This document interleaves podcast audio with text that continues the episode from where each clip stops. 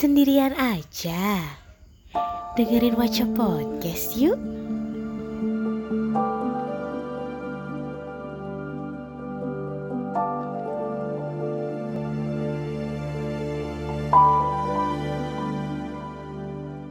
Halo, perkenalkan aku Maya. Dan halo, aku Raisa. Selamat datang di Waca Podcast. Nah, di sini kita bakal nemenin kamu selama kurang lebih satu jam ke depan. Bener banget. Di podcast perdana Wacaku kali ini, kita berkolaborasi bersama Alex Media Kopetindo. Wah, keren banget gak sih, Sa? Pastinya dong, Mai. Nah, kali ini juga nih, kita bakal ngobrol sama salah satu penulis muda di Alex Media. Menurut aku sih, Sa, secara personal, dia tuh punya pengalaman yang menarik banget nih. Kita undang aja sekarang yuk. Yuk. Kak Ayunita Puraisi. Halo Kak Ayu. Halo, kabarnya? Halo, siang Kak Maya dan Kak Raisa. Halo. Gimana nih Kak kabarnya Kak? Baik, Alhamdulillah. Di sana Baik, gimana? Baik sih, Kak. Baik-baik. Kita berdua baik ya. Banget nih keadaannya nih. Nah, Kak, sebelumnya juga aku mau tanya nih. Akhir-akhir ini, belakangan ini, Kak Ayu ini eh, kesibukannya apa aja sih? Eh, sebenarnya kalau kesibukannya sih paling dominan satu ya, itu kerjaan yang utama.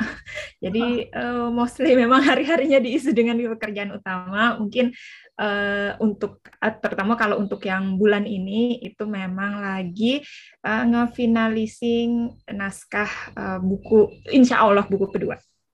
Wah, Wow. ini nanti kita obrolin ya, kayak sedikit Ya. nggak apa-apa ya. Ya, siap. Oke, jadi buat wacabis nih, para wacabis yang belum kenal sama Kak Ayu, Kak Ayunita ini adalah salah satu penulis muda di Alex Media yang merupakan uh, salah satu penulis novel bestseller versi e-book di Alex Media ya saya. Dan menariknya nih, uh, aku sempat lihat-lihat, wah Kak Ayu kayaknya keren nih gitu kan. Dan pada saat aku lihat-lihat, ternyata Kak Ayu tuh tidak memiliki background sastra. Dan itu menurut aku jadi salah satu poin yang bakal kita bahas nih kak. Saat ini ntar ya. Dan aku udah nggak sabar. Eh, langsung kita start. Pertanyaan pertama nggak apa-apa ya kak ya? Biar bahasa basinya nggak usah kebanyakan nih. Aku udah pengen ngobrol jauh nih soalnya sama kakak nih. Boleh, boleh. Silahkan. Oke, Kak Ayu.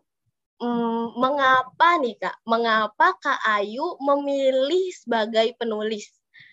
Kenapa akhirnya Kakak memutuskan untuk sebagai penulis gitu Kak? Uh, jadi gini, uh, biasanya aku nggak bilang semuanya ya karena kita nggak tahu background-backgroundnya orang mulai menulis karena apa. Cuma biasanya itu kalau dari aku sendiri itu aku emang dari dulu itu suka baca, terutama kayak novel, ya fiksi lah. Anaknya emang sukanya halu gitu kan.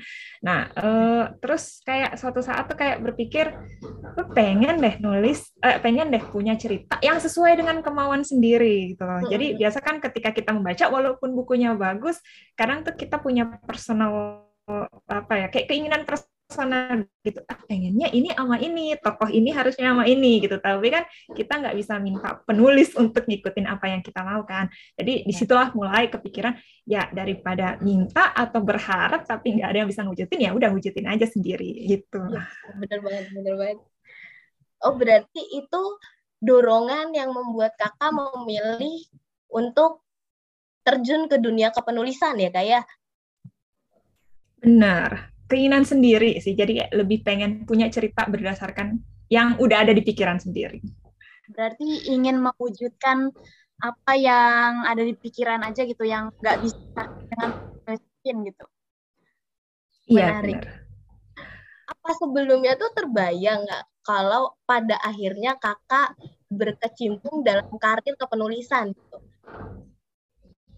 Kalau ngebayangin sih enggak ya, karena emang eh, dulu emang nulisnya ya cuma buat hobi aja. Jadi ketika udah selesai, ya udah udah puas gitu. Walaupun gak ada yang baca, cuma aku sendiri yang baca, ya udah gitu. Jadi em, kalau emang dari awal dari awal kita mulai eh, aku mulai nulis itu emang nggak belum pernah kepikiran kayak oke okay, suatu saat one day I will be a big uh, writer gitu enggak sih lebih ke yang jelas hobinya tersalurkan. Nah menarik banget nih kak. Uh, oke, okay. uh, tadi kan Kak Ayu udah cerita-cerita nih alasan kenapa kakak memilih untuk mulai menulis ya. Nah, aku juga penasaran buku kakak ini kan yang judulnya Retrocession ini kan termasuk buku yang rilisnya baru gitu. Termasuk baru baru tahun lalu ya, tahun 2001 ya, 2021 ya kak ya? Iya benar baru tahun lalu. Nah, ya jadi uh, bisa terbilang baru. Uh, tapi kalau timbul perasaan benar-benar tertarik di bidang kepenulisan itu sendiri tuh kapan ya kak? Apa dari dulu banget atau emang baru timbul baru-baru ini juga belum lama sebelum buku itu rilis gitu. Nah, kalau nulis sebenarnya dari SMP udah hobi. Jadi uh, waktu itu kan SMP ada tinlit-tinlit untuk anak-anak SMP gitu kan. Oh, Terus betul. ya banyak uh, uh, banyak lah buku-buku fiksi yang untuk anak-anak SMP, anak-anak SMA.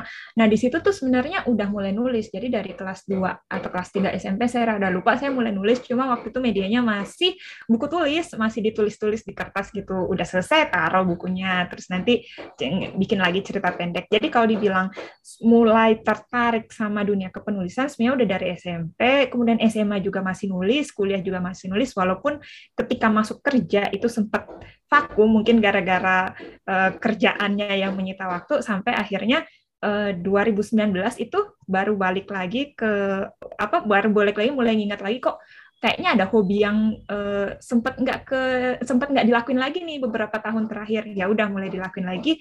Nah itu dia retrocession ini dia yang jadi uh, apa ya semacam comebacknya ke dunia kepenulisan. Berarti emang kalau untuk ketertarikan itu emang udah ada dari kecil ya kayak udah terbentuk sejak kecil ya? Nah terus uh, apakah ketertarikan itu juga disebabkan oleh faktor-faktor lain? Kayak misalkan uh, budaya yang diterapkan dalam keluarga atau mungkin ada suatu pengalaman momen tertentu yang bikin Kak Ayu itu tertarik untuk menulis, tergerak hatinya untuk menulis? Uh, sebenarnya tergantung dengan situasi atau lingkungan waktu itu di mana ya. Misalkan ketika SMP ya emang minatnya untuk menulis ya tentang uh, lingkungan saat kita SMP gitu teman-temannya hmm. atau gimana uh, gimana yang kita lakuin ketika kita SMP atau sama ketika SMA. Nah uh, mungkin waktu kuliah juga sempat berubah. Waktu itu saya sempat jadi K-popers gitu kan. Jadi kecenderungan menulisnya ya kecenderungan menulisnya ya apa tuh fanfiction gitu kan. Nah uh, uh, uh, nah uh, baru ketika kerja uh, salah satu yang menggerakkan untuk kembali menulis lagi ya emang uh, lingkungan pekerjaan yang sekarang ya mungkin topiknya tuh berbeda seiring berjalannya keadaan kali ya kayak ya?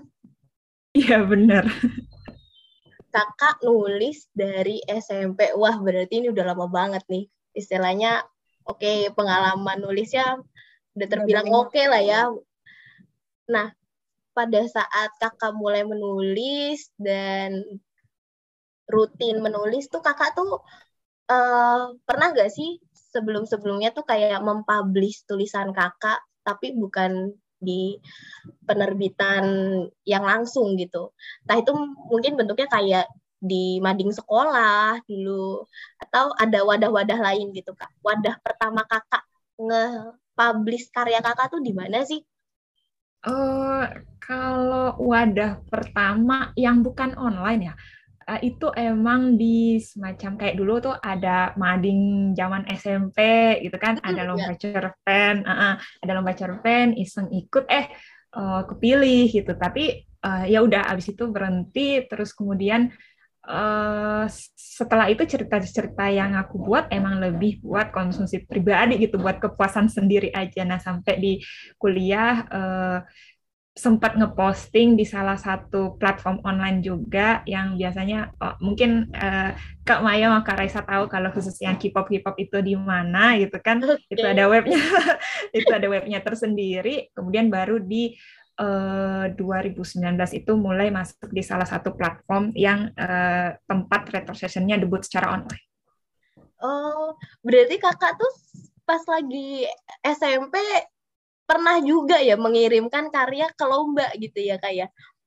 Uh, iya, tapi lombanya uh, ini kok skala kecil kok. karya apa tuh kak? Boleh gak kak dikasih tahu karya pertama tuh entah itu bentuknya puisi atau cerpen gitu kak?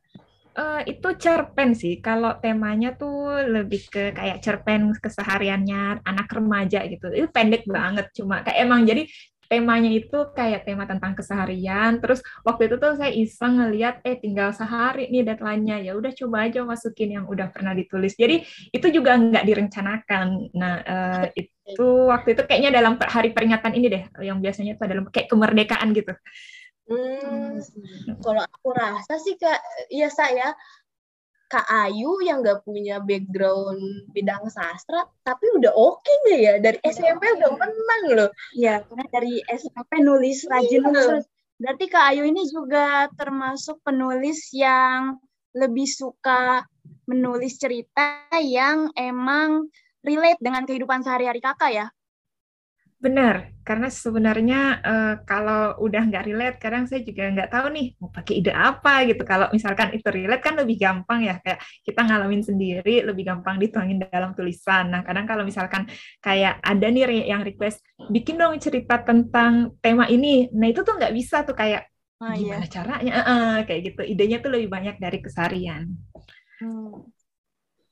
Retro session ini juga aku sempat nyari gitu kak ternyata itu tuh tokoh-tokohnya juga uh, merupakan tokoh-tokoh yang kerjanya uh, mirip-mirip dengan kerjaan Kak Ayu sekarang. Bener gak?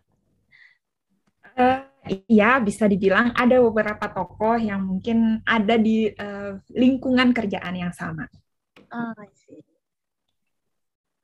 Nah, uh, aku pengen tahu dikit nih, kakak tuh termasuk yang intens, maksudnya rajin nulis atau publish gitu nggak sih kak sebelumnya sebelum ikut ke ini ya kerja sama sama Alex Media gitu publish karya tuh termasuk kategori sering apa enggak nih kak?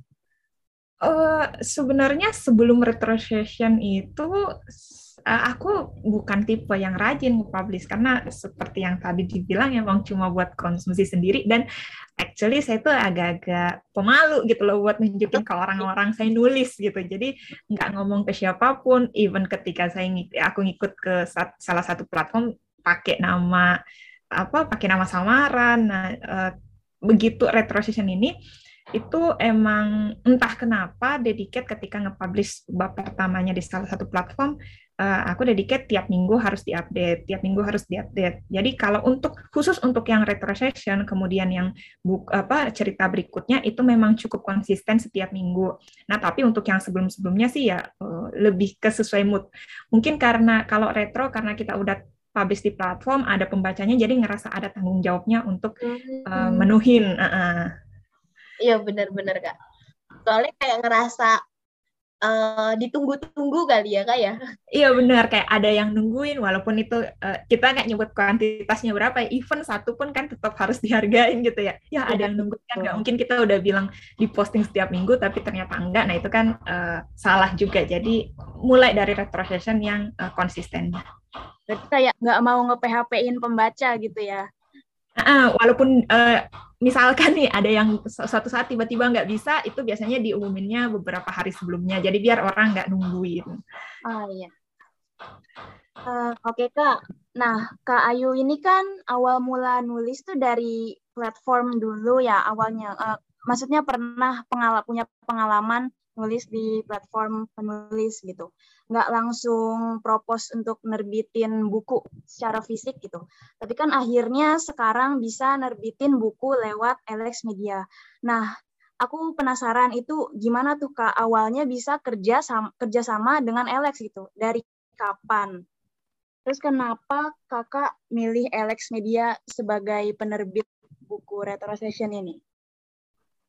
Ya, baik. Kalau sebenarnya untuk retro, kalau kalau cerita-cerita sebelumnya memang nggak pernah ada keinginan untuk mempublish, kecuali memang untuk retro. Untuk retro session itu ketika dipublish pertama kali di platform online, emang tujuan awalnya udah pengen uh, nerbitin kalau dikasih kesempatan gitu. Tapi uh, karena aku sendiri tuh nggak punya apa ya, nggak punya latar belakang yang banyak di bidang sastra atau bidang kepenulisan, jadi lebih apa tujuannya di posting itu pengen semacam uh, testing the water gitu loh, ngecek ombak, ngecek oh, apakah ini, ombak. Uh, uh, uh, ngecek ombak, ngecek pasar punya punya pasar hmm. nggak nih, dapat market nggak nih sebenarnya. Jadi uh, di situ dan dan sekaligus saat itu naskahnya retro emang belum selesai. Nah, jadi semacam kayak oke okay lah posting di platform sekalian bikin uh, semacam target. Jadi ketika ada orang yang minta, kita nggak bisa malas-malasan nih buat nunda-nunda selesainya kapan. Nah, jadi uh, kayak dibikin di situ biar ke trigger naskahnya bisa segera selesai. Ketika selesai barulah uh, kita nyari penerbit yang mau nerbitin. Nah, uh, retro session sendiri itu kan selesai di akhir 2019. Itu uh, aku butuh beberapa bulan untuk ngerampungin naskahnya karena kan uh, tentu saja ada perbedaan ketika kita posting di online dan ketika kita akan bikin versi untuk dikirim gitu kan pasti ada yang harus dirapiin, uh, typo atau penggunaan katanya yang mungkin salah selama kepenulisan. Nah, uh, in the middle of that process itu uh, aku dapat uh, offer dari Mas Dion. Iya. Nah, cuma uh, di ada ada beberapa hal yang bikin saat itu aku bilang belum bisa untuk saat itu sampai akhirnya uh, mungkin sekitar lima atau enam bulan Mas Dion correct nih if I'm wrong tapi mungkin sekitar lima atau enam bulan akhirnya saya balik yang kontak Mas Dion dari pihak Alex Media masih minat nggak sama naskah saya oh. gitu kan karena uh, emang Alex Media itu adalah salah satu tujuan tujuan saya gitu. Salah satu yang pengen kalau saya punya buku saya pengen yang nerbitin ya Alex Media. Ya dalam uh, uh, dengan alasan siapa sih yang nggak kenal uh, ya, apa? benar, benar. Uh, uh, penerbit. Uh, uh, penerbit di Kompas Gramedia Group gitu kan. Jadi emang dari awal tujuan utamanya itu memang diterbitin kalau bisa kalau misalkan punya kesempatan di salah satu penerbit major. Nah inilah terwujudnya sama uh, Mas Dion di Alex Media. Dan ternyata langsung dapat tanggapan positif berarti ya kayak ya? iya jujur aja kan waktu itu uh, saya udah kayak uh, ajuin nggak nih ajuin nggak nih? Terus iseng ngecek inbox inbox di platform itu ada namanya Mas Dion jujur aja saya tuh nggak terlalu tahu uh, apa editor-editor uh, karena emang nggak pernah sebelumnya nggak pernah terlalu in touch dengan dunia penerbitan gitu kan nah saya nanya teman saya yang sama penulis ini editor Alex Media iya ambil aja kalau mau itu uh, salah satu editor yang terkenal uh, menerbitkan banyak buku-buku uh, bestseller gitu. Oh ya udah, ya. baiklah. ya udah, mumpung ada tawarannya gitu kan. Banget, oh, gak benar. Kesempatan tuh nggak boleh dilewati. Nah, um, gimana tuh kak rasanya pas lagi proses awal merintis karir sebagai penulis karena kan kalau ini kan kita ngomongin retro session berarti bukan cuma sekedar nulis hobi-hobi kan karena emang tujuannya pengen dipublish nih kak itu rasanya gimana kak? Uh, iya karena uh, mungkin agak berbeda dengan yang aku ekspektasikan ya. Karena eh yang pertama emang sebelumnya karena aku nggak pernah in touch dengan dunia kepenulisan. Dunia bikin buku tuh kayak gimana aku nggak pernah kebayang. Sampai akhirnya ketika retro ini masuk untuk untuk proses cetak di Alex Media aku tuh baru ngerasa oh se segininya ya ternyata nerbitin buku ya. Ternyata editing itu nggak segampang yang kita kira gitu. Untuk bikin satu cerita itu layak jadi buku tuh nggak semudah yang kita kira. Hmm. yang awalnya mungkin kita pikir cerita kita udah udah oke okay kok udah eligible gitu. Ternyata iya masih iya. jauh dari uh, uh, dari standar untuk jadi sebuah buku. Jadi uh, yang aku pikir mungkin akan gampang-gampang aja ternyata cukup heavy tapi uh, worth it lah untuk dijalanin karena emang yang kita cari kan hasilnya ya untuk bisa uh, terbit jadi buku yang layak. Yeah. Apa tuh kak? Kakak ngerasa kayak ada tantangan apa yang menurut kakak bener-bener nggak ketebak sebelumnya dan ternyata itu ada gitu pas lagi awal nih, pas lagi awal nerbitin buku kayak oh ternyata begini ya gitu sampai kakak yang bener-bener gak ekspektasiin banget bakal ada tantangan itu gitu Uh, yang pertama mungkin karena yang tantangan terbesarnya mungkin ya ketika retro session itu yang paling agak nggak diekspektasikan oleh aku karena uh, waktu aku nulis naskahnya itu emang tanpa ngelihat um, jumlah kata. Jadi benar-benar menulis sesuai dengan alur yang aku pengen. Which is ternyata adalah jadi problem yang cukup besar ketika proses penerbitan. Karena ya namanya buku kan punya standar uh, misalkan jumlah katanya maksimal berapa biar dia bisa uh, uh, uh, jadi novel gitu kan. Novel yang bisa dipegang bukan kayak buku jimet gitu kan. Yang tebalnya kayak apaan. Jadi uh, di situ aku baru sadar oh ternyata tuh nulis tuh bukan cuma sekedar uh, kita nuangin gimana alur ceritanya itu tapi juga harus pay attention ke gimana menuangkan seluruh cerita itu bertahap dengan alur yang benar tapi dengan constraint jumlah kata atau constraint jumlah halaman. Nah, itu sih yang benar-benar di luar ekspektasi sebelumnya oh ternyata uh, dalam proses penerbitan dalam proses membuat buku tuh ada hal-hal yang kayak gini gitu yang harus diperhatikan yang selama ini nggak pernah saya pikirkan sebelumnya. Itu kenapa kak jumlah katanya kebanyakan kak atau kekurangan kak nih kak? Kebanyakan, hampir dua kali lipatnya dari standar buku. Oh, berarti kakak tuh benar-benar harus mempersingkat cerita dong ya. Padetin banget ya iya dipadetin. Dan mungkin di dalam prosesnya itu akhirnya uh, aku juga sambil belajar bahwa memang ketika kita menulis dianggapnya mungkin semuanya penting gitu untuk di, ditulis gitu kan. Semuanya betul, penting betul, untuk kan? dijabarkan. Uh -uh. tapi ketika kita ngebaca lagi kemudian ada uh, keharusan untuk bikin buku itu layak buat terbit jadi buku baru kita sadar ini sebenarnya nggak perlu. Ini sebenarnya nggak ada sumbangsinya di cerita. Ini sebenarnya nggak harus. Nah jadi uh, emang banyak hal yang dipelajari. Jadi learning by doing gitu. Ketika kita ngelakuin itu, baru kita pelajarin bahwa ada hal-hal yang harus diperhatikan ketika menulis buku. Dan actually itu nggak nggak smooth seperti yang lagi saya ceritain seperti ini kok. Ada beberapa kali uh, aku ngekontak Mas Dion semacam pengen give up, Mas aku cuma bisa sampai kayak gini help me kemudian nanti dibantu lagi nanti dibalikin lagi. Coba yuk dicoba lagi. Nah, jadi prosesnya itu panjang gitu. Nggak nggak segampang yang saat ini udah diceritain.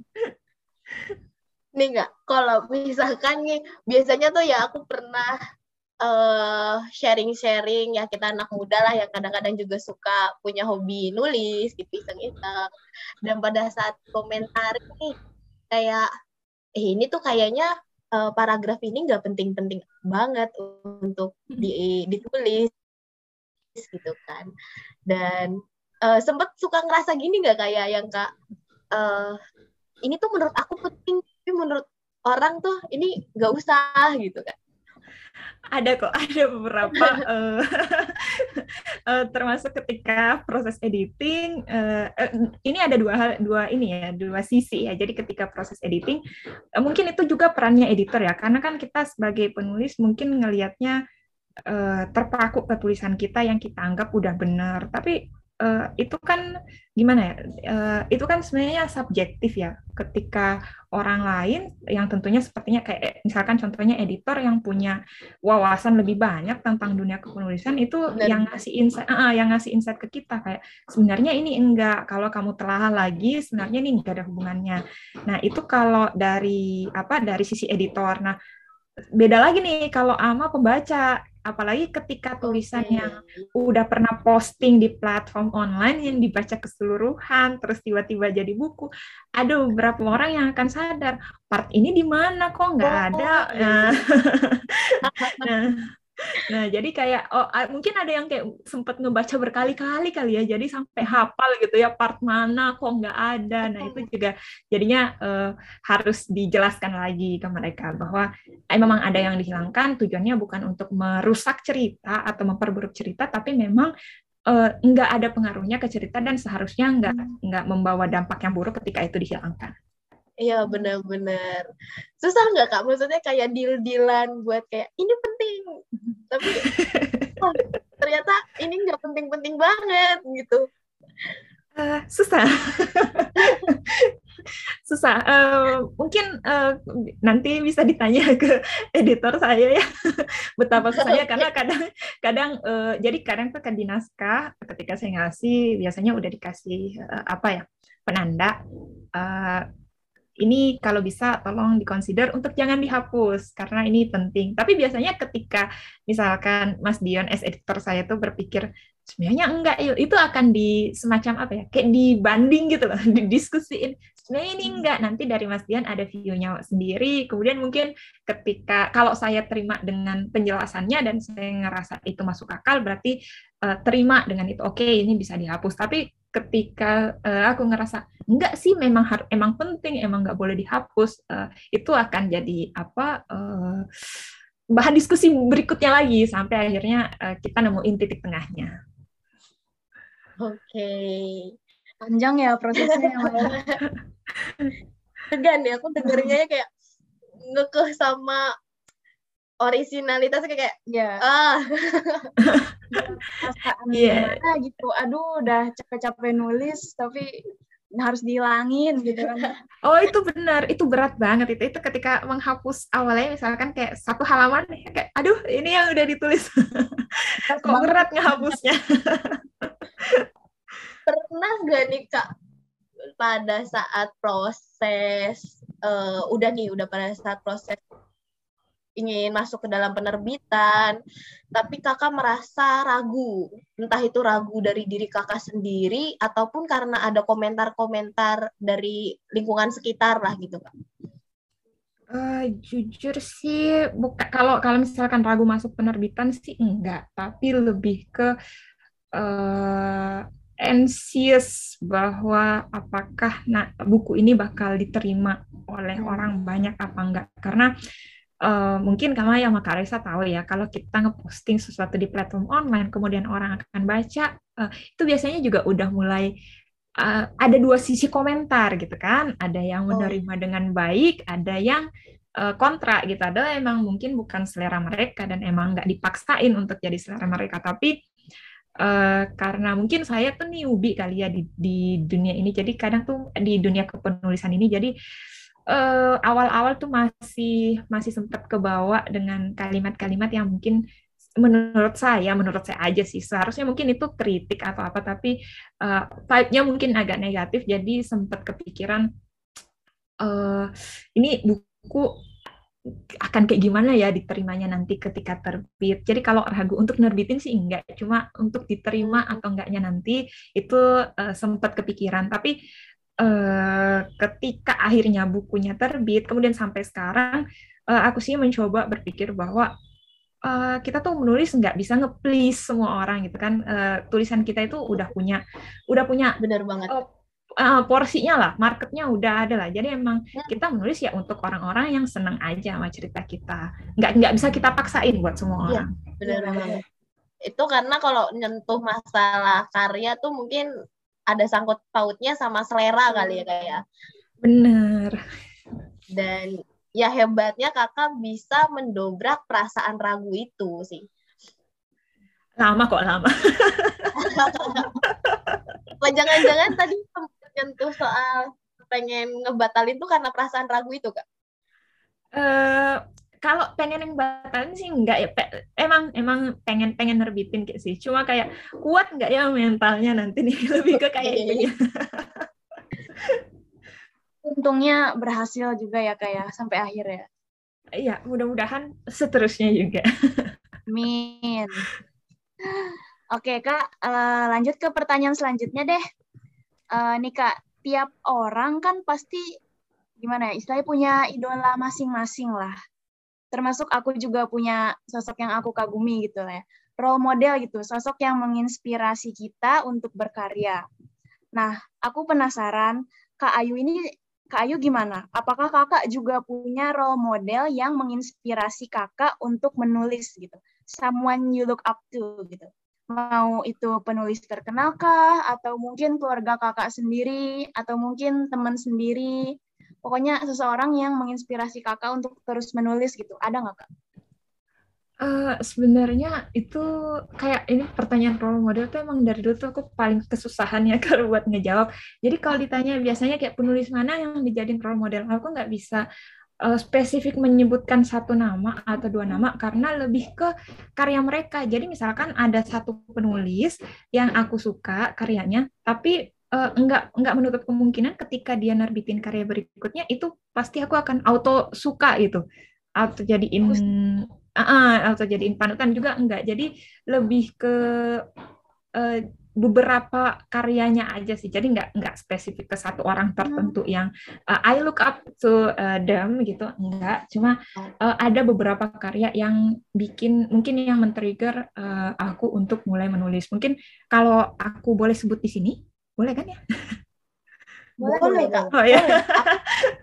Aku penasaran banget loh. Pengen tahu, siapa tahu jadi lift bacaan aku juga. uh, emang yang paling trigger untuk mulai menulis itu dari karya-karyanya Mbak Ika Natasa. Uh, apa uh, Feria Wedding itu uh, aku mulai baca di pertama kemudian ada di, uh, di Fortier kemudian ada Critical Eleven antologi rasa uh, itu yang yang emang apa ya emang jadi salah satu karya yang bikin aku memang beneran pengen ikut nulis itu. Kemudian ada yang dari karyanya Mbak uh, Alma Aridata, uh, Tied But Not, kemudian Retired, kemudian Untied, uh, kemudian uh, ada satu lagi karyanya Ilana Tan, uh, season oh, iya, season iya. itu, uh, Winter in Tokyo, uh, Summer in Seoul, oh, iya. kemudian uh, apa itu Autumn in Paris. Nah, itu yang emang buku-buku yang kayak sampai sekarang pun aku masih selalu baca ulang ketika misalkan lagi stuck atau lagi pengen nyari uh, apa ya? Bukan pengen nyari ide sih, lebih ke kalau lagi bu lagi blank, lagi ngapain, lagi nggak tahu mau ngapain, mending baca ulang itu lagi dan itu nggak pernah bosen. Wah, emang sih ada beberapa karya film juga sama ya, film dan buku sama. Ada yang benar-benar emang kita tuh butuh untuk balik lagi baca ulang nonton ulang. Gitu. punya kenangan tersendiri lah dengan buku-buku itu ya. Keren keren keren. Kakak berarti lebih sering atau lebih banyak baca buku uh, karya penulis Indonesia berarti ya? Inspirasinya ya Uh, iya, kalau karena mungkin yang dilakuin sekarang adalah menulis novel di bahasa Indonesia kali ya dan pasarnya juga Indonesia. Jadi uh, emang lebih banyak lagi banyak nyari uh, apa uh, inspirasi dari novel-novel Indonesia. Satu deh kak, satu novel yang menurut kakak itu mengena banget pada saat kakak baca. Uh, uh, ini dalam negeri kan ya? Iya, terserah, terserah kakak. uh, antologi rasa sih. Oh, antologi. Antologi rasa, okay. iya. Itu mengena karena tokohnya kakak atau gimana? Uh, jadi aku tuh suka novel ketika kita tuh bisa uh, apa penulisnya tuh bisa ngebuat kita benar-benar ngebayangin tokohnya seperti yang dia ceritakan. Jadi benar-benar ngerasa bahwa tokohnya tuh real. Uh, in terms of benar-benar ini tuh bukan fiksi gitu. Uh, jadi emang berarti cara cara cara dia menceritakan itu bagus gitu dan uh, bikin bahkan ketika kita udah nyelesain bukunya itu masih kebayang-bayang gitu. Nah, itu benar, benar. Uh, uh, nah itu yang bikin buku antologi rasa itu salah satu yang bikin saya ngerasa kayak gitu. Oke, menarik. Uh, berarti kalau aku lihat-lihat nih kak, uh, mungkin aku bisa ngategoriin kakak sebagai penulis yang memulai karya dari hobi ya kak ya? Bener, dari hobi, dari hobi membaca. Mulai dari hobi membaca, kemudian akhirnya mau coba-coba menulis, akhirnya beneran jadi penulis nih kak.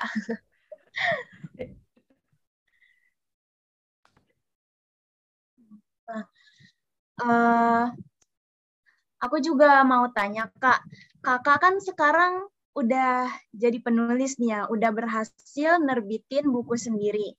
Pasti kalau diri sendiri bangga dong ya, karena udah berhasil nerbitin buku. Nah, tapi kalau tanggapan keluarga kakak gimana tuh? Apakah mereka mendukung juga? Atau mungkin ada keluarga yang juga nggak setuju dengan kakak jadi penulis gitu? Boleh sharing dikit, kalau dari sisi keluarga sebenarnya sih mereka ya selama kamu ngelakuin hal baik ya udahlah kita dukung aja. Karena kalau yang yang paling mendukung ya yang jadi cheerleader number one saya itu emang kakak. Jadi karena kakak karena hobi hobi membaca itu emang dari ngikut di kakak uh, jujur aja bahkan kakak kakakku tuh yang duluan menulis gitu. Cuma dia nggak dia akhirnya nemuin bahwa emang emang dia nggak tertarik di situ. Dia pernah nyoba kemudian uh, aku ikut ikutan jadi sebenarnya tuh mulai nulisnya tuh karena ngelihat tulisannya kakak oh ternyata tuh uh, nulis tuh kayak gini jadi ikut tapi ternyata kakak tuh nggak nggak lanjut. Emang emang dia ngerasa ya udahlah aku emang lebih suka membaca. Nah jadi ketika dia melihat adiknya bisa menulis jadi dia yang paling senang paling heboh jadi tim marketing di mana-mana gitu kan. Positif ya kayak ya, kalau misalkan keluarga terhadap karir kakak yang baru ini sebagai penulis gitu ya kayak? Iya, uh, karena mereka sih ke, selama itu uh, apa yang dilakuin baik dan emang disukai, disenengin gitu kan, uh, nggak ada salahnya lanjutin aja. Uh, walaupun sebenarnya um, ma, papa saya tuh baru tahu ketika buku saya tuh terbit, jadi dia baru tahu anaknya udah. Tahu-tahu udah anaknya udah jadi penulis buku yang terbit aja gitu ya kayak ya? iya bener. Jadi kayak loh nulis ya? Iya. Oh ya udah. Nggak tahu. Uh, tapi kan berarti kakaknya Kak Ayu ini bisa dibilang juga termasuk sosok yang menginspirasi kakak untuk menulis kan ya? Uh, mungkin bisa dibilang salah satunya iya karena uh, karena ngelihat dia menulis aku jadi pengen ikut-ikutan nulis. Sayangnya seandainya mungkin dia lanjut menulis itu aku mungkin bisa belajar lebih banyak tapi dia stop terlalu cepat jadi aku harus ngekspor sendiri. Ternyata kamu nyaman menulis. Sepakat loh kak. Kadang-kadang kita aku juga adean gitu loh kak. Punya kakak kita menjadikan kakak kita tuh sebagai role model betul, tanpa betul. sengaja gitu. Aku juga anak bungsu dan apa yang aku lihat di kakak aku itu emang kadang tuh pengen aku ikutin kayak kakak iya, aku juga suka baca Harry Potter terus aku jadi ikutan baca Harry Potter juga gitu jadi kayak kadang bingung kan kalau ke toko buku mau beli apa sih bukunya gitu ya udah deh ikutin apa yang kakakku baca aja gitu. Tapi akhirnya karena kakaknya Kak Ayu nih uh, memutuskan coba buat menulis, ke Ayunita ikut menulis. Untungnya nih, kakak tetap nyaman nulis dan akhirnya mengeluarkan karya-karya yang menarik untuk anak muda dibaca nih kayaknya nih. Wah, dia seneng banget ini nanti kalau dengar podcastnya nih. oh gitu. Aduh, saya jadi deg-degan. nah, sebelum nih kak kan kakak tadi bilang wah emang udah pengen punya istilahnya goals lah ya uh, buat nerbitin karya di LS Media.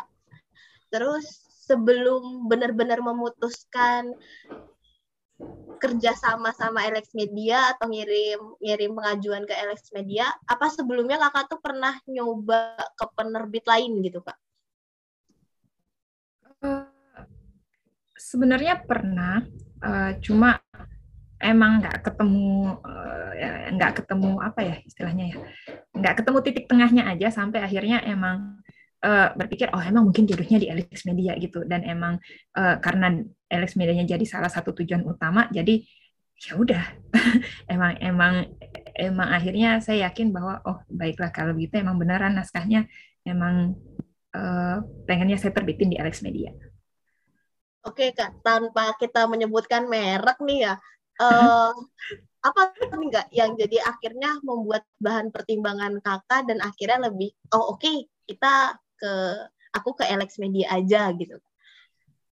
Uh, ini jadi waktu itu kan uh, karena retro session itu selesai di akhir 2019 dan saat hmm. itu kalau bisa dibilang hype-nya tuh masih masih tinggi lah ya. Jadi orang-orang masih membicarakan itu di yes. di platform online ya maksud aku. Yes. Nah, uh, kemudian uh, sempat kepikiran untuk masukin di salah satu penerbit lain, tapi uh, tanggapannya itu atau respon yang aku dapat itu mungkin misalkan buku itu baru bisa diwujudkan terbit ya, setahun lebih kemudian gitu oh, dan dan semacam okay. lebih ke kayak masih abu-abu sih, jadi belum ada kejelasannya. Jadi uh, aku berpikir kalau bertahan di situ orang mungkin kemungkinan udah akan lupa nanti ketika terbit ini cerita yang mana ya uh -uh. kemungkinan bener, bener. udah uh -uh, udah udah hilang gitu momentumnya nah sementara uh, Here Comes Alex Media emang yang emang juga jadi salah satu tujuan utama saya uh, tujuan utama aku dan menawarkan uh, opsi yang lebih baik gitu. Jadi emang ya udah oke okay, langsung diokein aja. Oke, okay, akhirnya aku datang lagi ke Mas Dion, Mas, masih minat sama naskah saya. Emang udah jodoh lah ya sama Alex ya. Iya. langsung cari strategi lah ya kayak wah ini wah ini tanda-tanda nih wah ini nggak bisa nih bener-bener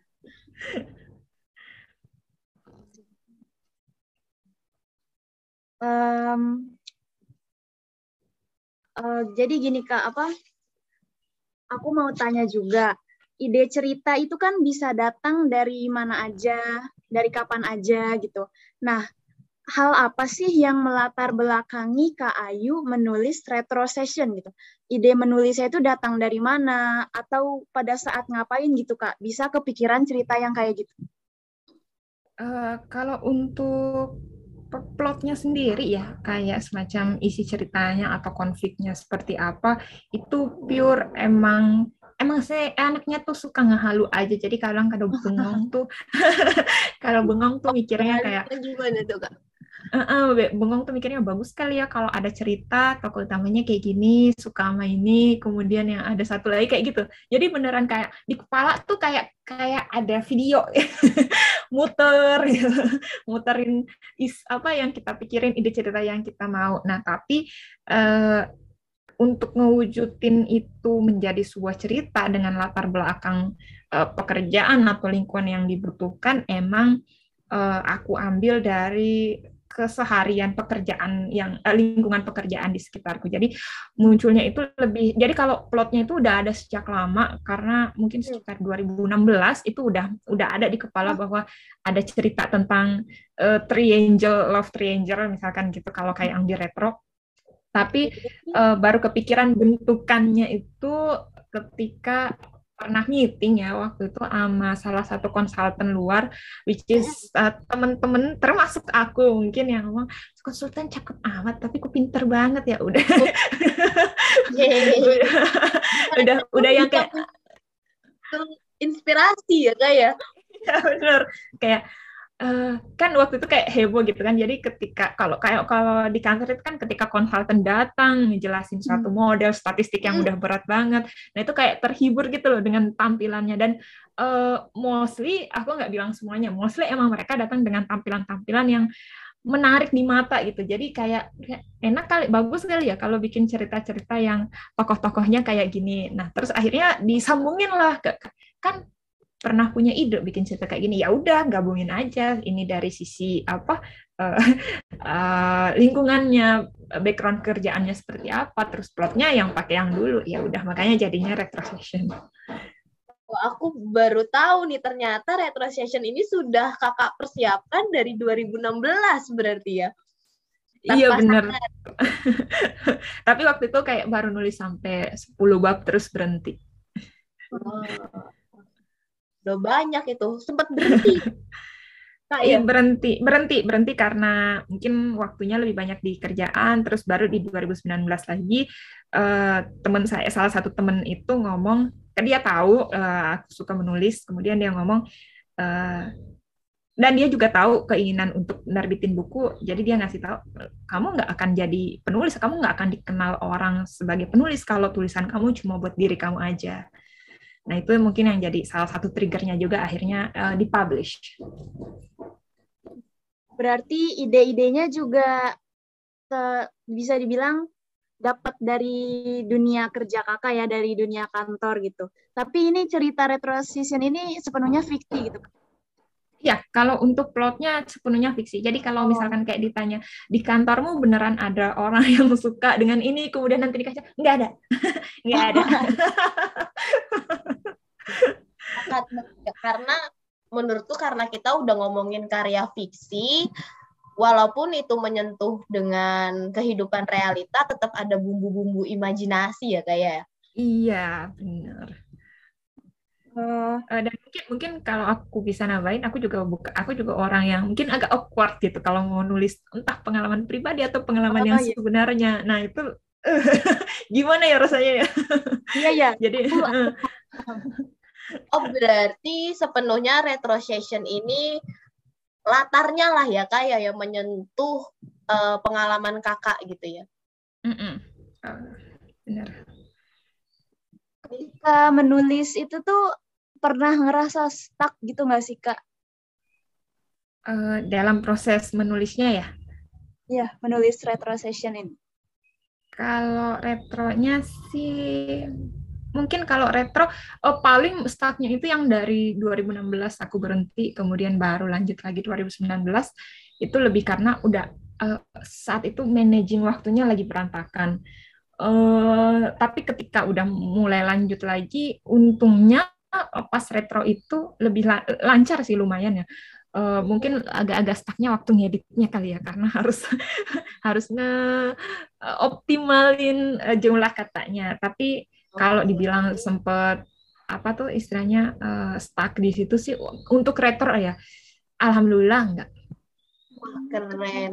keren keren banget padahal sudah sempat berhenti cukup lama ya kayak ya. tapi tidak kesulitan untuk melanjutkan kembali nih malah punya kendalanya pada saat editing ya Iya, kalau itu stucknya lebih ke nggak pengen ngehapus sih. wah ini berarti aku bisa bilang kakak tuh mungkin punya imajinasi yang banyak dan liar gitu ya kak ya kalau imajinasi iya. Jadi emang uh, even enggak enggak kadang tuh enggak ngelihat waktu atau kondisi. Misalkan uh, aku mau meeting lima menit lagi, even meetingnya itu misalkan yang important meeting gitu kan yang kita harus presentasi. Kadang tuh kayak sambil biar enggak panik gitu ya. Kadang tuh lebih lebih seneng kayak ngehalu lagi gitu. Mau nulis apa lagi ya? Iya. mau nulis apa ya, lagi bener. ya? Bagus sekali ya kalau nulis kayak gini. hmm. Apa kadang-kadang tuh kayak kebayang sebuah adegan cerita gitu ya kayak gimana kalau ternyata begini-begini gitu. Uh, iya, kalau ngebayanginnya tuh lebih kayak jadi kayak film gitu loh yang keputar di dalam kepala. Uh, jadi kayak ada adegan yang emang sangat jelas. jadi bentuk kehaluanku itu yang kayak gitu ya mohon maaf ya sebelumnya. Jadi uh, sering dan dan lumayan sering dan menurut aku itu bisa positif karena kakak pun mengolah itu dalam bentuk karya gitu kan. Jadi produktif juga gitu. Keren aku wah ini keren banget. Aku senang banget bisa ngobrol sama kamu malah kak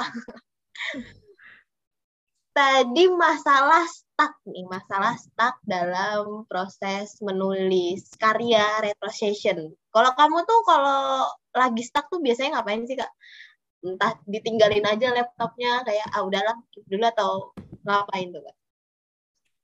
Um, sebenarnya beda-beda sih ya tergantung. Jadi lebih ke ngikutin mood saat itu maunya apa. Kalau kadang stuck terus pengen kayak thirsty untuk baca buku aku akan baca buku nonstop uh, baca novel-novel baru tapi kadang tuh uh, ada stuck ada masa-masa di mana aku stuck dan nggak pengen ngapa-ngapain. Jadi ya udah, aku ikutin aja. Itu biasanya kalau stucknya tuh karena emang di ide cerita lagi mandek, kemudian di kerjaan lagi hmm. parah juga tekanannya. Jadi itu benar-benar kayak nggak pengen ngapa-ngapain. Ya udah, jadi itu semacam kayak kalau kakak Maya dan kakak Raisa nonton atau baca Harry Potter itu mungkin tahu pensif ya. Itu semacam kayak ngeluarin yeah. dulu dari si kepala, uh, ngeluarin bebannya dulu dari kepala. Jadi benar-benaran nggak mikirin itu. Sampai akhirnya kayak uh, pikirannya udah fresh kembali, baru mulai dimasukin lagi. jadi jadi beneran ngelakuin aja apa yang mau mau jalan-jalan.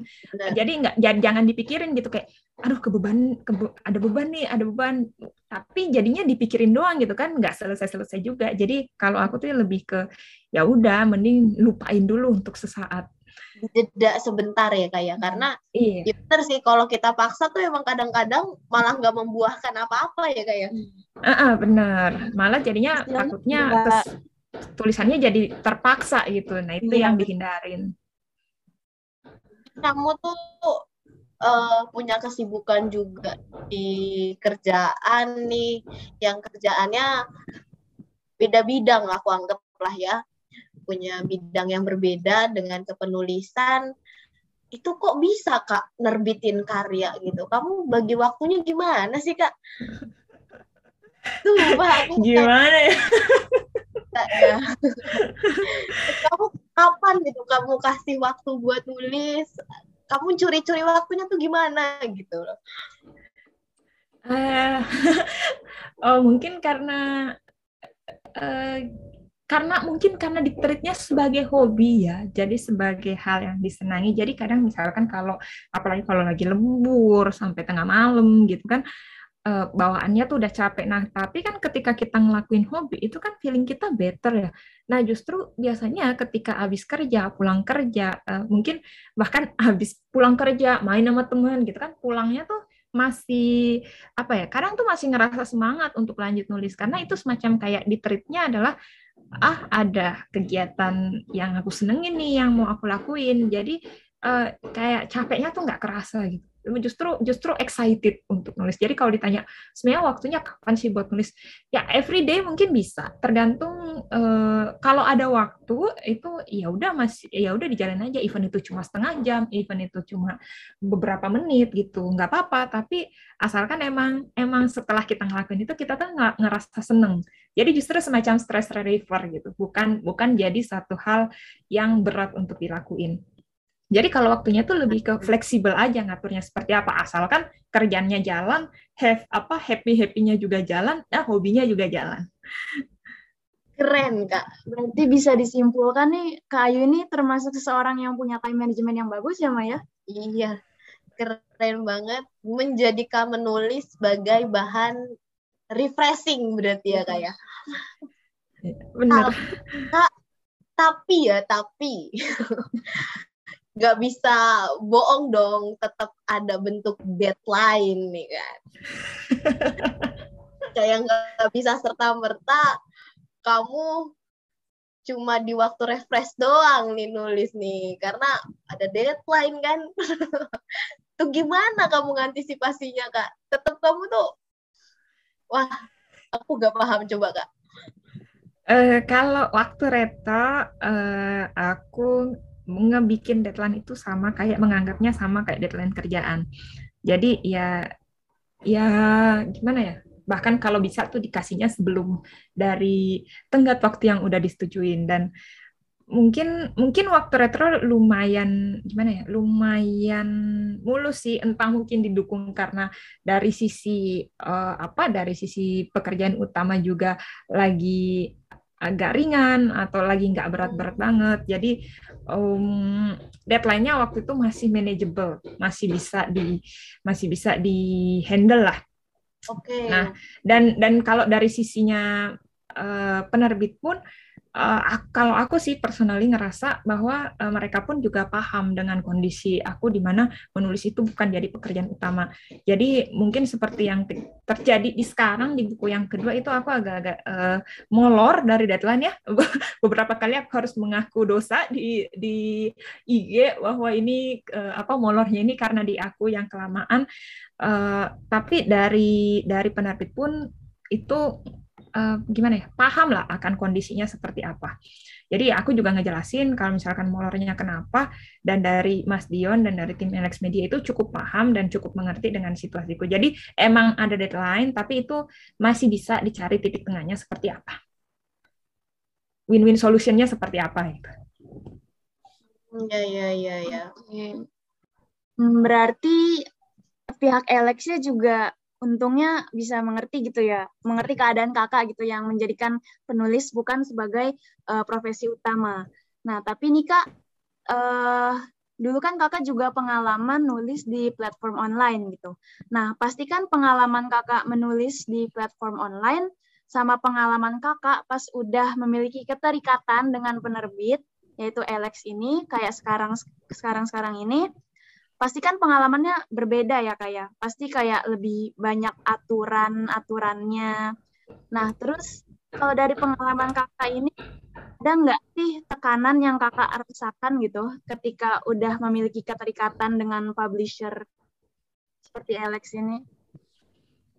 Uh, kalau dari sisi Alexnya sih aku ngerasa uh, masih berjalan dengan normal. Cuma mungkin lebih ke karena uh, sekarang statusnya itu uh, aku sebagai penulis udah pernah nerbitin satu buku, berarti ekspektasinya untuk ke depannya berarti harus lebih baik, harus ada uh, improvementnya gitu kan, jangan sampai ketika kita ngeluarin buku kedua yang mungkin ada beberapa orang atau sebagian orang yang udah mengantisipasi tapi malah kecewa gitu, jangan sampai hmm. karena Uh, kalau emang udah pernah punya buku, ke, harusnya kan ketika buku keduanya kita harus nunjukin uh, apa ya perbaikan yang jauh lebih lebih baik lah dari buku sebelumnya yang mungkin kalau kurang-kurangnya di buku sebelumnya harusnya kita perbaikin di buku kedua. Nah mungkin bebannya lebih ke situ sih. Jadi uh, itu juga jadi salah satu alasannya kenapa untuk yang saat ini mungkin prosesnya lebih panjang karena udah ada bebannya dengan buku satu yang udah keluar. Kalau dulu kan ya udah karena debut gitu kan. Jadi uh, ini nih yang jadi uh, apa titik titik awalnya nih untuk debutnya. Ya udah ini nggak ada comparison, nggak ada apa comparisonnya gitu loh. Nggak ada perbandingannya dengan karya-karya uh, aku yang sebelumnya karena emang belum ada. Tapi nanti ketika udah mau ngeluarin buku kedua, buku ketiga dan seterusnya. Nah, di situ akan ada bebannya bahwa karyanya tentu saja harus punya perubahan dan ya, dan jauh lebih bagus daripada sebelumnya. I see. Berarti lebih ke ekspekta ekspektasi orang-orang tuh gimana gitu ya kayak? Ya?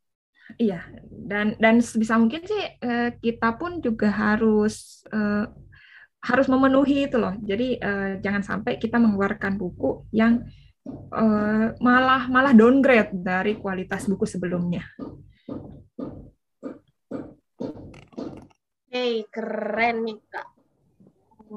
Mungkin nyentuh lagi nih ya soal retrocession nih kak. Soalnya aku udah eh uh, udah greget banget sebenarnya. Belum sempat sih kak. Kalau aku sebenarnya belum sempat baca retrocession. Cuman pada saat baca dan sharing-sharing sama Raisa, wah ini bisa nih masuk dalam list buku yang bakal aku baca soon nih kasih. Nah, jadi tuh uh, menurut kakak nih, apa sih daya tarik utama dari novel Retrocession itu gitu? Uh, terus uh, apa ya kayak apa sih ya apa aja yang bikin novel ini tuh bisa disukai sama banyak orang gitu kak? Apa daya tariknya? Semoga jawaban aku nggak terdengar seperti memuji diri sendiri ya. Oh nggak apa-apa. Apa-apa, itu penting. Kak memuji diri uh, jadi kalau ini tapi ini subjektif ya mungkin karena aku yang nulis. Cuma oh, mungkin pembaca atau orang lain juga bisa punya pandangan berbeda dengan naskah ini. Karena uh, aku nggak bisa aku nggak bilang bahwa uh, my book is very good ya. You have to read it. Aku nggak pernah akan maksa orang untuk membaca dengan jaminan bahwa buku yang aku tulis itu sebagus itu gitu. Karena balik lagi ke yang namanya selera kan oh, setiap orang masing-masing punya ya dan kita nggak bisa maksain itu.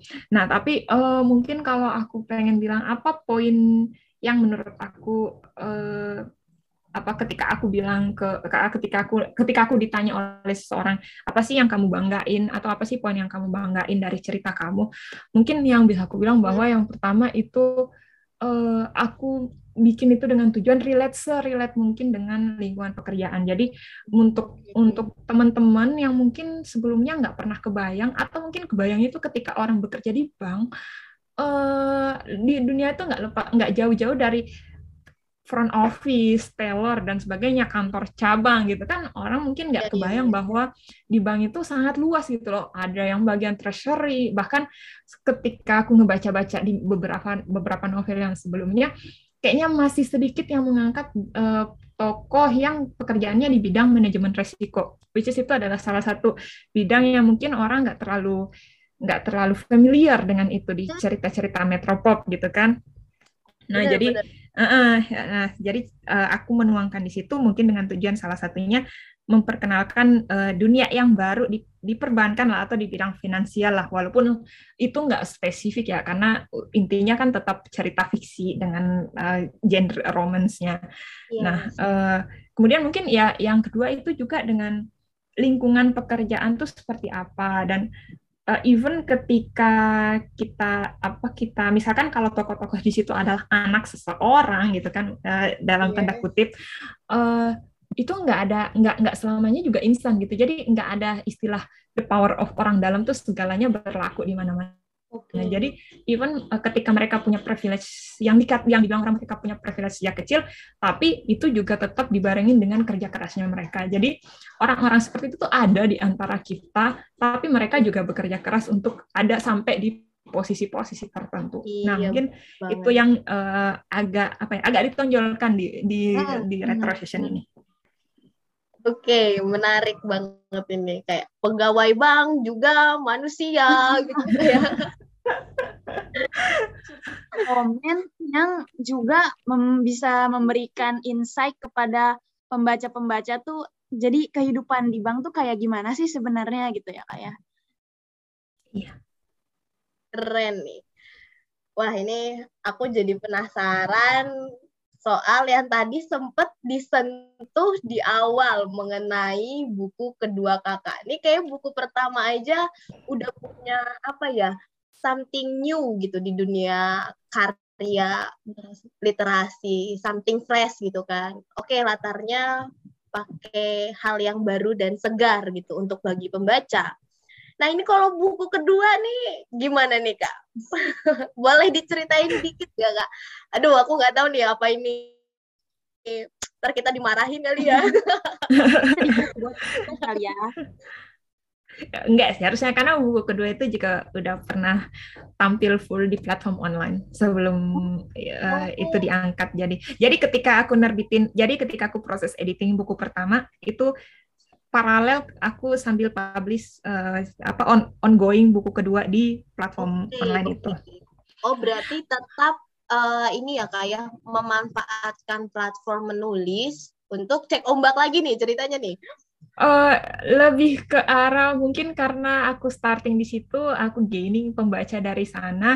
jadi Iya, iya, uh, jadi uh, uh, I will stick to that. Jadi untuk untuk apa pun ide cerita nanti yang akan kukeluarkan mostly akan ku publish dulu di situ. Jadi karena karena udah ada pembaca karena lebih ke arah kayak "Ya, aku berhutang budi nih sama platform ini yang bikin Iya ya benar-benar. Karena itu ya menyokong kakak juga lah ya. ya salah satu batu pijakan lah. Oke, itu tentang apa? Boleh tahu nggak nih kak? Kita sentuh gitu. Eh, itu semacam spin-off. Eh, jadi dengan masih dengan lingkungan yang sama tapi udah dengan karakter yang beda. Jadi kalau mungkin tokoh utamanya kemarin di Retro Session itu adalah Radit dan Alia. eh, Radit punya teman yang namanya Ryan. This is eh, Ryan yang akan jadi tokoh utamanya di buku kedua. Dengan konflik yang berbeda, dengan plot yang berbeda, dengan ya de- dengan karakter yang berbeda karena Radit and Ryan uh, two different people gitu kan jadi masalahnya pun yang dibawain berbeda Oke. Radit dan Raya nih ya, berarti tokoh utama lah bisa dibilang ya kak ya. Eh, untuk yang di buku kedua Raditnya cuma jadi pemeran pendukung Hmm. Wah, ini Menarik, ada menarik. something new lagi nggak nih kak di buku kedua nih? Eh, something new mungkin kalau lebih ke kalau di buku pertama aku nyoba pakai point of view satu gitu kan aku beraku gitu kan jadi Hmm. ketika aku nulis point of view dan ganti-gantian kan nah untuk yang di buku kedua itu emang waktu pertama nulis itu aku pengen nyoba eh, pakai point of view tiga jadi di situ yang aku eh, nyoba explore Oh berarti ini istilahnya bisa jadi challenge juga buat kamu ya, buat di buku kedua ini ya kak ya? iya benar challenge banget ini udah proses editingnya udah challenging banget Oke. ganti cara penulisan berarti juga ya iya ganti cara penulisan Apa jauh proses penulisannya kak? Apakah sudah selesai atau gimana kak? Kalau ceritanya sendiri sih udah udah selesai dari Aduh, saya tuh takut ngomongnya ada takut takut ditagih naskahnya. Jadi kalau kalau cerita Jadi kalau ceritanya sendiri di platform online itu udah selesai di awal aku lupa ya apa awal tahun lalu kali ya. atau pertengahan tahun lalu aku lupa eh, sepertinya pertengahan tahun lalu Hmm. Eh, nah kemudian naskahnya masuk di Alex dan eh, masih proses editing sampai saat ini Oke. Ini tantangannya banyak nih kayaknya. Berarti hasilnya juga bakal ciamik banget ya, Sa. Ini proses editingnya sangat penuh tantangan nih. Ya Amin. betul.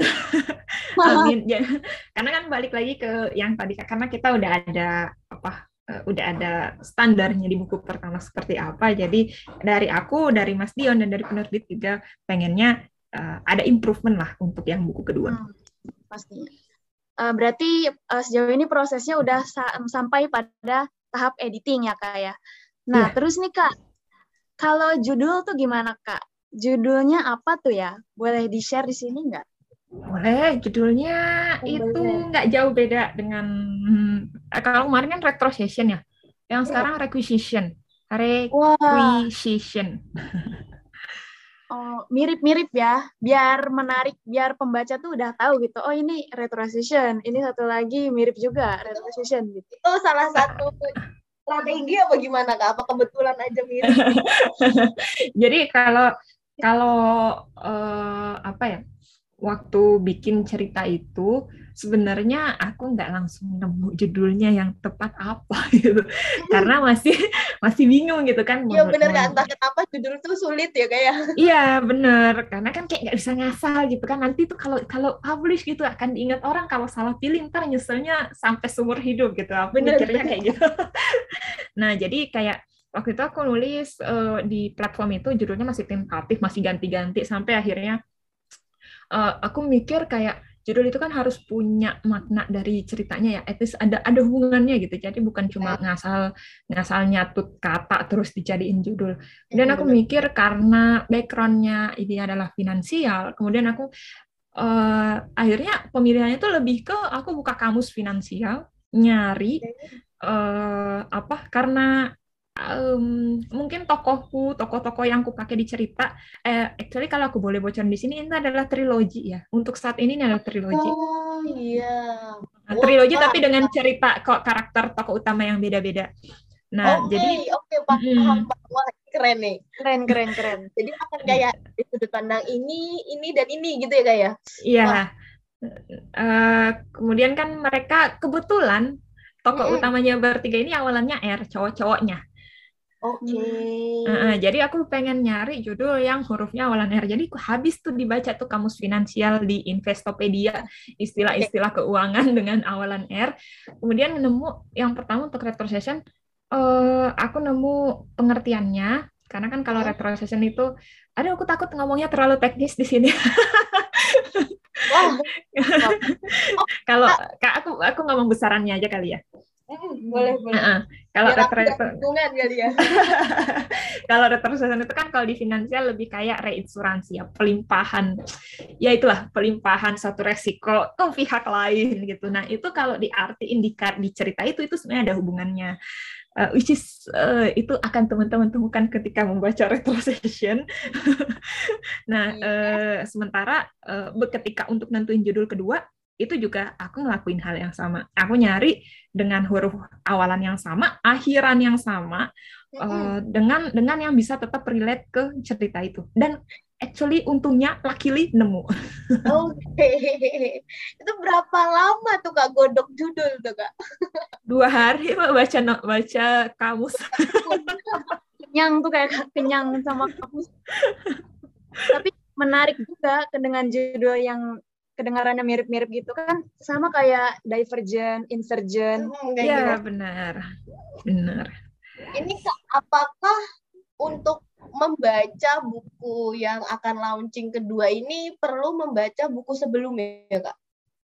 Eh, kalau untuk pembaca baru sih nggak perlu ya, karena emang eh, ini tuh adalah cerita yang berbeda. Jadi bukan Hmm. bukan nyambung. Jadi kayak kita harus tahu apa yang terjadi di sebelumnya. Enggak, karena tokohnya yang dibawakan juga tokoh yang berbeda. Jadi sebenarnya ada ketika ketika aku posting di platform ada pembaca yang bilang bahwa aku nggak baca yang pertama kak. Aku ketika ngebaca yang kedua aku langsung suka yang kedua. Jadi aku nggak aku nggak ngebaca yang pertama. Dan tetap tetap apa ya tetap dipahami gitu. Jadi emang emang aku pun buatnya bukan cerita bersambung itu lebih ke masing-masing karakternya punya ceritanya sendiri-sendiri. Oke. Okay. Wah ini berarti ke masalah ya kayak kalau misalkan teman-teman udah keburu penasaran sama yang kedua langsung baca kedua nggak apa-apa. Mau sambil nunggu yang kedua launching baca yang pertama dulu juga nggak apa-apa ya kayak mm -mm, benar nggak apa-apa doya. Tapi sebenarnya lebih bagus kalau buku yang pertama juga dibeli. Ya promosi.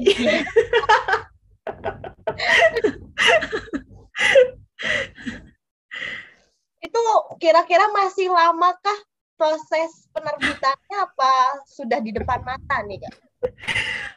Nah, jadi uh, sebentar lagi sih harusnya karena deadline deadline deadline yang sudah direvisi sekian lama ini sekian kali ini ya. Sudah direvisi entah untuk beberapa kali itu harusnya kita targetinnya di kuartal awal tahun ini. Jadi oh, range di Januari Maret itu harusnya udah bisa. Mudah-mudahan kalau prosesnya lancar. Oke, catat itu. Kira-kira Januari sampai Maret gitu ya kayak. Iya, rentangnya di bulan itu. Oke ada gambaran, lah ya, ya kapan akan di launching. Uh, uh, terus kak, ini tuh nanti buku yang kedua ini pertama bakalan dirilis lewat langsung buku fisik atau e-book dulu? Uh, itu mungkin akan nginduk ke buku satunya. Kalau aku dulu retro session itu emang semuanya fisik dulu, nanti tiga bulan atau enam bulan kemudian baru e-booknya launching. Dan mungkin itu akan aku terapin di kayak buku kedua nanti. Nanti uh, tergantung pembicaraan dengan uh, penerbit. Oke itu masih dirahasiain lah kayak iya tapi biasanya sih pasti fisik dulu. Hmm iya iya. Berarti ya otomatis kalau pengen beli buku kakak yang kedua uh, maaf pak boleh diulang tadi judulnya aduh requisition requisition oke okay. kalau pengen beli requisition bisa langsung ke Gramedia ya kayak Iya boleh, boleh, tentu saja boleh. Atau sih enggak, udah pasti ada lah ya kayak di Gramedia ya kayak. Iya. Dan kita beli juga dalam bentuk e ya kayak. Nah itu apa udah ada tanggal launching gitu kak atau ya pokoknya ntar lah, sun lah gitu. Uh, uh, kalau tanggalnya jujur aja dari aku juga belum ada karena naskahnya statusnya masih di aku belum aku selesai editing. Uh, jadi uh, kalau kalau itu udah ke penerbit kemudian dari editor yang udah oke okay, itu mungkin baru bisa kebayang tanggal pastinya di tanggal berapa. Iya langsung kontak Kacin ya kak kalau misalkan sudah biar aku jadi kayak orang pertama yang dikabarin sama Kak Ayu bukunya udah launching nih. oh iya, tapi kan pesannya khusus untuk Raya gitu. Oke deh Kak, makasih banyak nih Kak udah mau sharing banyak banget ya sama kita. Bahkan ada hal-hal yang menurut aku, wah oh ternyata kayak gini ya prosesnya. Oh ternyata nggak melulu mulus gitu ya kayak. Ya. Bahkan yang menurut aku yang paling aku tekenin di obrolan kita hari ini adalah buat dapat ide tuh bisa di mana aja dan nulis tuh nggak harus dari background sastra. Wah ini keren banget karena iya. langsung kebukti sama Kak Ayu sendiri gitu. Iya. Dan kalau dari aku ini kayak gimana ya? Kita tuh pasti ada ketika menulis tuh merasa stuck tuh ada kayak Kak Ayu yang udah cerita kalau misalkan retro session itu idenya udah ada dari tahun 2016 tapi baru bisa direalisasikan lagi tuh tahun 2019. Itu kan lumayan ya bertahun-tahun. Dan menurut aku stuck itu normal. Stuck ketika menulis itu normal gitu. Jadi eh, jangan khawatir nanti pasti ada suatu saat di mana kamu bisa melanjutin cerita kamu yang awalnya tidak yang awalnya kamu pikir tuh nggak akan bisa selesai gitu. Hmm, nah, semoga obrolan kita juga bisa menjawab keresahan para pendengar ya, dan juga bisa menginspirasi para wacabis nih yang lagi mulai atau sedang menulis dan menyelesaikan karya. Oke, buat closing statement mungkin Mungkin Kak Ayu bisa ngasih pesan atau saran ke teman-teman Wacabis nih yang ngedengerin Waca Podcast ini. Kira-kira pesan dan sarannya apa aja sih untuk teman-teman yang masih memiliki keresahan-keresahan nih ketika mereka mau mulai menulis? Oke, kalau mungkin dari aku yang juga pemula ini, uh, buat teman-teman yang lagi lagi mulai proses merintis menulis atau mungkin yang udah di tengah jalan, uh, kalau dari aku sih sesuai pengalaman pribadiku, yang pertama ketika kita ngejalanin itu do it with your heart gitu. Jadi jangan uh, terpaku dengan keuntungan apa yang bisa kita dapatkan dari proses ini. Jadi biar uh, cerita yang kita buat itu juga passionnya tuh kelihatan di situ uh, apa apa yang pengen kita sampaikan tuh juga sampai ke para pembaca. Wah, okay. ya benar. Wah ini menginspirasi kita banget ya obrolannya ya obrolan sederhana tapi padet gitu menurut aku topiknya. Dan membantu. Hmm, bener banget. Oke teman-teman uh, waktunya kita pamit ya karena ini juga udah panjang banget iya. nih obrolannya. Buat teman-teman yang kepo dan pengen tahu atau pengen nanya-nanya atau pengen tahu nih informasi seputar Kak Ayu, Kak Ayu dan karyanya uh, boleh banget nih follow akunnya Kak Ayu ya. Di follow IG-nya di @ayoou Ayo nih double O double U ya kayak ya? Iya benar double O double U. Yes. Ini tadi agak bingung ini bacanya Ayo atau gimana nih? maaf itu zaman alay. Oke. Okay.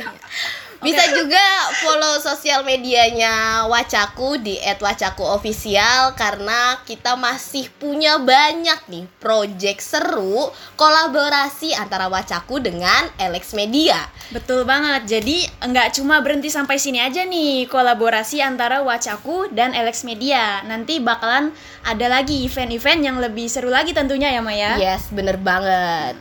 Sampai jumpa.